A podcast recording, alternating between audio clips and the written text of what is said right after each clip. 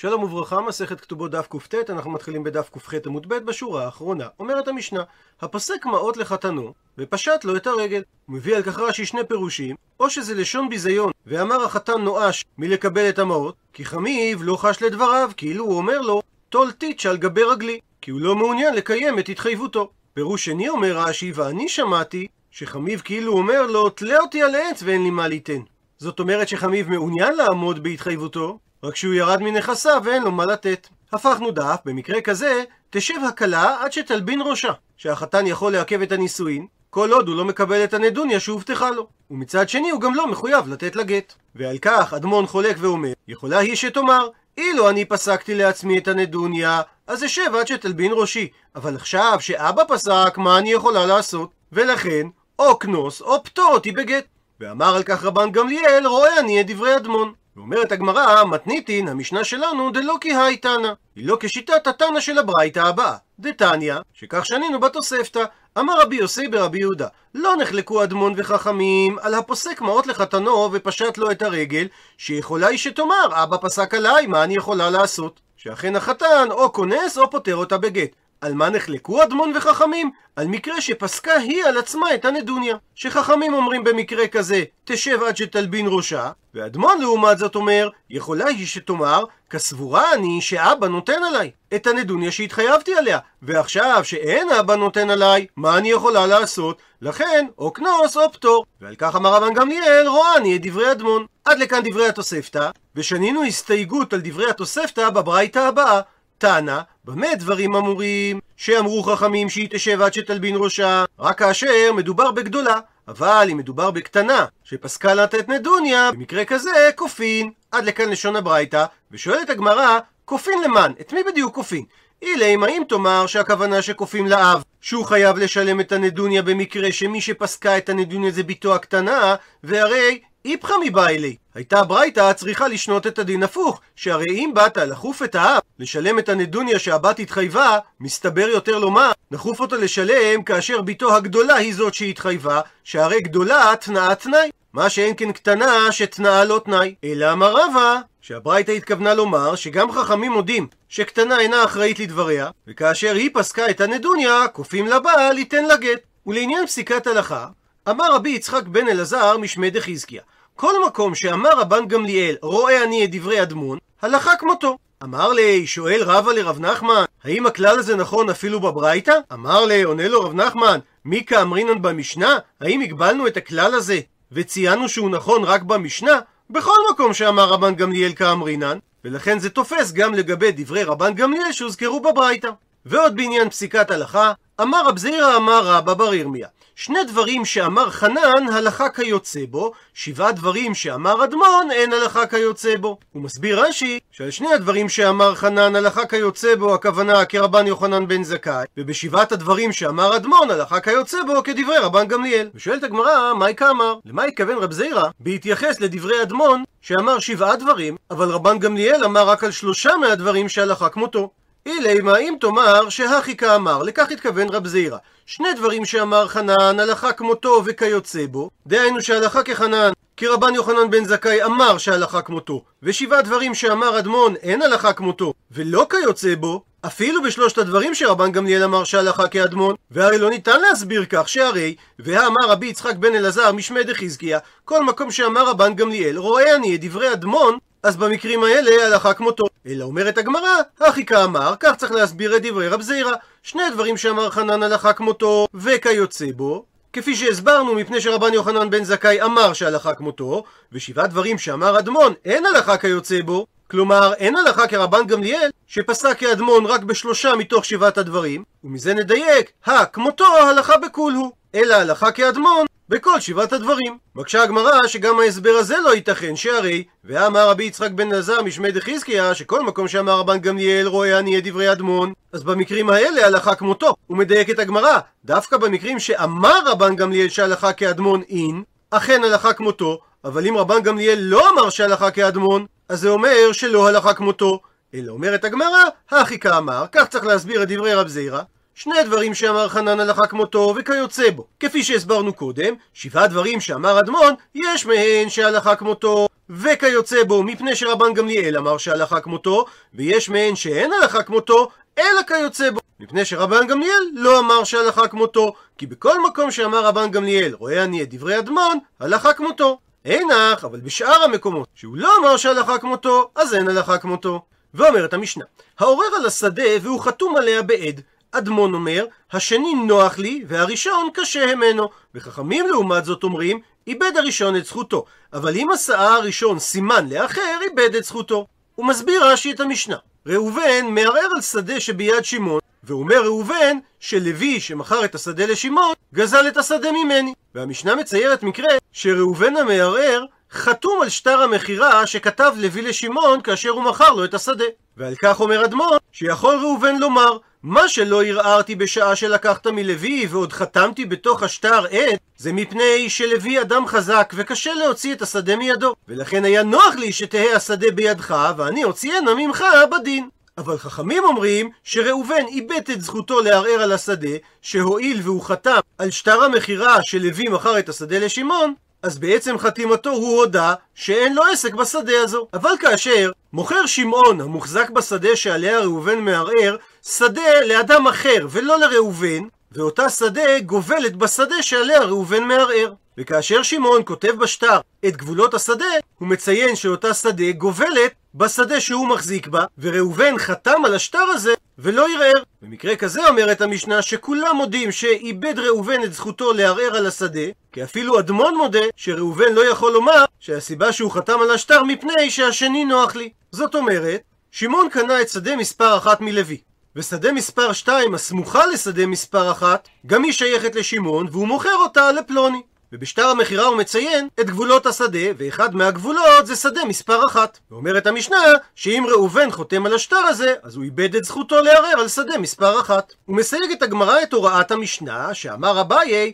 לא שנו שהעורר איבד את זכותו, אלא כאשר הוא חתום כעד. אבל אם הוא חתום כדיין, הוא לא איבד את זכותו. מסביר רש"י, שאם הובא שטר המכירה בבית הדין כדי לקיימו כמשפט קיום שטרות, שמצד אחד העדים באים ומעידים על כתב ידם, ומצד שני הדיינים כותבים שטרא דנן נפקא לקדמנה ועשידו סעדי החתימות ידהו וישרנו וקיימנוי. שהשטר הזה בא לפנינו, והעידו העדים על חתימות ידם, ואנחנו מאשרים ומקיימים את השטר הזה. אז אם הוא חתום כדיין, הוא לא איבד את זכותו, כי הוא לא ידע מה כתוב בשטר, שאז הוא היה מערער עליו. והמקור לחילוק בין חתימת עד לחתימת דיין, דתני שכך שנה רב חייא בברייתא. אין העדים חותמים על השטר, אלא אם כן קראוהו, שהרי על דברי השטר הם באים להעיד. הפכנו דף, אבל הדיינים חותמים על השטר אף על פי שלא קראוהו, שהרי הדיינים אינן מעידים על תוכן השטר, אלא רק על קיומו, ששטר זה בא לפניהם והעדים הכירו שהיא חתימתן. ציטוט מהמשנה, עשה סימן לאחר, שבמקרה כזה לפי כולם הוא איבד את זכותו. ועל כך אמר אביי, לא שנו אלא שהוא עשה את הסימן לאחר, אבל אם הוא עשה את הסימן לעצמו, לא איבד את זכותו. הוא מסביר רש"י שבדווקא נקטה המשנה ששמעון עשה את אותה שדה, סימן לשדה אחרת שהוא מוכר לאדם אחר. אבל אם היה שמעון מוכר את השדה האחרת לראובן שמערער על השדה הראשונה, ובשטר המכירה, כשהוא ציין את גבולות השדה האחרת, הוא כתב את השדה הראשונה כגבול, והוא ציין שם שהשדה הזאת שייכת לו, למרות שראובן לא מיכה על כך, הוא לא איבד את זכותו. והסיבה, דאמר ראובן, אידלא עבדי לאחי, אם לא הייתי עושה כך ולא הייתי שותק, לא הווה מזבין לני עלי. אז הוא לא היה מוכן למכור לי את אותה השדה. ומה היית לך למימה? מה אתה יכול לומר כדי לדחות את דבריי? שאיבאי לי למימסר מודעה? שהייתי צריך לומר לעדים בסתר, הבו יודעים שעל שדה זו שאצל השדה שאני לא קונה, אני מערער, והסיבה ששתקתי, כאשר הוא כתב בגבולות של השדה, שהשדה הראשונה שייכת לו, כי אם הייתי מוכר, הוא לא היה מוכר לי את השדה השנייה. שהרי, גם אם הייתי מוחה על זה בפני העדים בסתר, חברך חברה איתלי, וחברא דחברך חברה איתלי. לחבר שלך יש חבר, ולחבר של החבר גם יש חבר, כך שבסופו של דבר היו מודיעים לשמעון שאני מערער על השדה הראשונה, והוא לא היה מוכר לי. הוא מספר את הגמרא, ההוא דעשה סימן לאחר, אדם שחתם על שטר מכירה, שבה היה מצוין שדה סמוכה כסימן, ואחר כך הוא ערער על אותה שדה, שציין אותה המוכר כסימן, וטען שהיא שלו, אבל לפני שהתיק הגיע לבית הדין, ושכיב נפטר המערער. ואוקים אפוטרופה. הוא מינה אפוטרופה לטפל בנכסי היתומים לפני מותו. עתה בא האפוטרופוס לקמיה לפני דאביי, ואמר לו, אביי לאותו אפוטרופוס, הרי הדין שאם עשה סימן לאחר איבד את זכותו. אמר לו האפוטרופוס לאביי, אבל אי הוה אבוהון דיתמי קיים, אם אבי היתומים היה קיים לפנינו, הוה טעין ואמר, אז הוא יכול היה לטעון ולומר, תלם אחד עשיתי לך. מסביר רש"י, שרק על מענית המחרשה שנמצאת על פני כל השדה שמחה, יאמר האב שהוא הודה לו, שאותו תלם חרוש שנמצא בין השדה הזו שאני עורר ובין אותה שמחה, עליו בלבד הוא כתב שזה גבול השדה הפלוני ששייכת לו, ולכן חתמתי על השטר ולא מחיתי. שומע אביי את הטיעון של האפוטרופוס, אמר לו אביי, שפיר כאמרת. יפה אתה טוען? דאמר רבי יוחנן, אם טען ואמר תלם אחד עשיתי לך, נאמן. ולאחר שהביא האפוטרופוס של היתומים ראיה שאכן השדה הייתה של אביהם ונגזלה ממנו ולא הייתה למחזיק זכות בה והוא התבסס רק על כך שהאבא חתם על שטר שאותה שדה שימשה כסימן לשדה אחרת בשמו של המחזיק אז אמר לו, הבא אל האפוטרופוס, את כל השדה הרווחת בשביל היתומים, אבל זיל הב לי מיהת תלם אחד. לך ותן למחזיק הקודם תלם אחד על פני כל השדה, על פי מה שטענת שהאבא היה אומר שתלם אחד אכן היה שייך למחזיק. אבל מוסיפה לנו הגמרא נתון נוסף, שעל אותו תלם, הווה עלה ריחבא דדיקלי. הייתה נטועה עליו שורת דגלים המורכבים זה על גב זה. זאת אומרת שהם גדלו צפופים זה לזה, והיה להם ערך כספי רב שעליו האפוטרופוס לא רצה לוותר. אז אמר לאפוטרופוס לאביי, אי הווה אבוהון דיית מקיים, אם אבי היתומים היה קיים, הווה ואמר, אז הוא היה טוען ואומר שאת אותו תלם שהוא מכר למחזיק, חזרתי ולקחתי ממנו. לאחר שחתמתי על שטר המכר, בו התלם היה סימן בשמו של המחזיק לשדה השנייה. שמע אביי את הטיעון, אמר לו אביי, שפיר כאמרת, יפה מאוד מה שטענת. דאמר רבי יוחנן, אם טען ואמר חזרתי ולקחתיו ממנו, נאמן. שהרי הפה שאסר הוא הפה שהתיר. דמאחר שיש עדים שהייתה השדה הראשונה שלו ונגזלה ממנו. אז אין לשני זכות באותו תלם, אלא רק על פי הודעת זה, שכך הוא מסביר את חתימתו על השטר, שהתלם הייתה סימן לשדה שנמכרה לאחר. וזה נקרא הפה שאסר, מצד שני, הרי חזר ואמר לקחתיו, וזה נקרא הפה שהתיר. ובעקבות הסיפור הזה אמר אביי, היי מאן דמוקים אפוטרופה, מי שמעמיד אפוטרופוס לנכסי היתומים, נוקים כי היי, שימנה אפוטרופוס כמו האפוטרופוס הזה, דידע להפוכי בזכות הדיאטמי, שהוא יודע להפוך בזכויות היתומים. ואומרת המשנה, מי שהלך למדינת הים ועבדה דרך שדהו, כי החזיקו בה בעלי השדות שבמיצריו, ואין סימן היכן הייתה הדרך המקורית. אדמון אומר, ילך לו בקצרה, שעל כורחם של בעלי השדות שבמצריו הוא ייטול לו דרך לשדהו, אבל הוא ייקח את הדרך הכי קצרה, ולא מעבר לכך. וחכמים לעומת זאת חולקים ואומרים, יקנה לו דרך במי המנה, או יפרח באוויר. הוא מברר את הגמרא, מה איתם הדרבנן שחלקו על אדמון? שהרי שפיר כאמר אדמון, שהוא לוקח דרך קצרה. כי הגמרא מבינה בשלב הזה שארבעת השדות שסביבותיו שייכות לאדם אחד, וממה נפשך? הרי ודאי שהדרך עברה באחת מהשדות. עונה על כך, אמר רב יהודה אמר רב, שהמשנה מדברת כגון שהקיפוה ארבעה בני אדם מארבע רוחותיה. וכל אחד ואחד מבעלי השדות דוחה את בעל השדה האמצעי, ואומר לו שהדרך לשדהו לא עברה דרכו. אבל היא אחי, אם כך שואלת הגמרא, אז מה איתם דאדמון? מסביר את הדברים אמר רבא. במקרה שמדובר בארבעה בעלי שדות דעתו מכוח ארבעה, שכל אחד מבעלי השדות המקיפים את השדה שלו, קנה את השדה מבעלים אחר. או גם במקרה, וארבעה דעתו מכוח אחד, שכל השדות המקיפים את השדה שלו היו שייכות לאיש אחד, והוא מכר אותם אחרי שאותו אדם הלך למדינת הים לארבעה אנשים שונים. כולי עלמא לא פליגי, כולם מסכימים ואין מחלוקת, דמצי מדחלי, שכל אחד מבעלי השדות יכול לדחות ולומר לבעל השדה האמצעית, שהדרך לשדה שלך לא עברה דרכי. כי פליגי, המציאות עליה נחלקו אדמון וחכמים, זה במקרה, בחד דעתי מכוח ארבעה.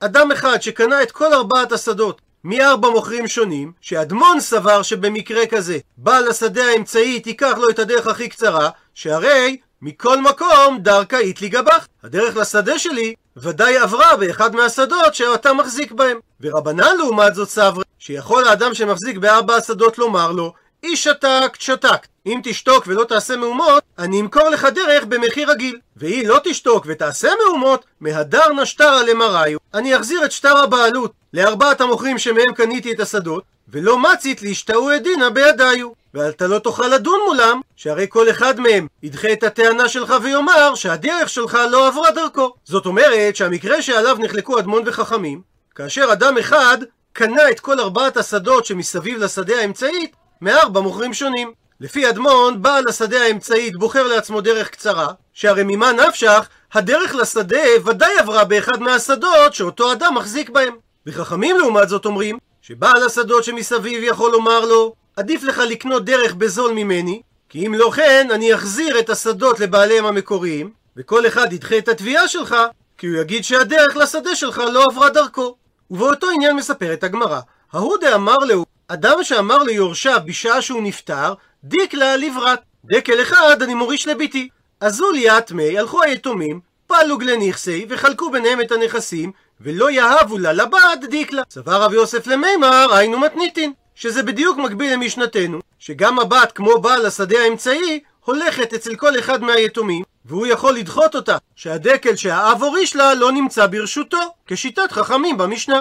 אמר לי אביי לרב יוסף, מי דמי? מה אתה משווה בין שני המקרים? הטעם במשנה, כל אחד ואחד מבעלי השדות, מצי מדחילי, יכול לדחות את בעל השדה האמצעית, שהרי מי שיש לו את השדה במזרח אומר לו, בצפון הייתה הדרך שלך, ולכן אין לך אצלי כלום, וכן בהתאמה יגיד כל אחד ואחד מבעלי השדות המקיפים. מה שאין כן הכה במקרה הנוכחי, דיקלה גבאיו הוא. הרי כל הנכסים היו ביחד בשעת הצוואה, ועל כולם האבא הטיל את נתינת הדקל לבת. ולא פירש האבא מאיזה נכס במדויק לתת את הדקל, ולכן היתומים לא יכולים לדחות אותה. אז מה יתקנתיו? כיצד הם יתקנו את המצב? ליטבו לדיקלה, וליהדרו וליפלגו מרישה. שייתנו לבת את הדקל המגיע לה, ויחזרו ויחלקו ביניהם את הנכסים מההתחלה. ומביאה הגמרא סיפור נוסף. ההוא דאמר להו, אותו אדם שאמר ליורשים בשעת מיתתו, דיקלה לברת, תנו דקל לבת, שחי ושבי תרי פלגי דדיקלה. וכאשר הוא נפטר, הוא השאיר שני חצאי דקל בנכסים, והכוונה שהיו לו שני דקלים בשותפות, ועוד הרבה דקלים אחרים שהיו שייכים רק לו. והיתומים היו נותנים לבת את אותן שני חצאים של דקלים שהיו בשותפות, שיש יותר טורח לטפל בהם. יתיב רב אשי וקקשיא לי. ישב רב אשי והתקשה בדבר הבא. מי קראו אינשי לתרי פלגי דיקלי דיקלה, או לא? האם אנשים רגילים לקרוא לשני חצאי דקל, דקל שלם או לא? אמר לי, ענה רב מרדכי לרב אשי, הכי כך אמר אבי ממהגרוניה משמי דרבה, שאכן מצוי שקרו אינשי לתרי פלגי דיקלי דיקלה, שאנשים קוראים לשני חצאי דקל דקל אחד, ועל פי זה על כורחה ידה של הבת על התחתונה, והיא לא יכולה להכריח את היתומים לתת לה דקל שלם, שהרי הנכסים בחזקת היתומים, והבת אינה באה בתביעה עליהם, אלא מכוח צוואת האב. עד לכאן דף קט.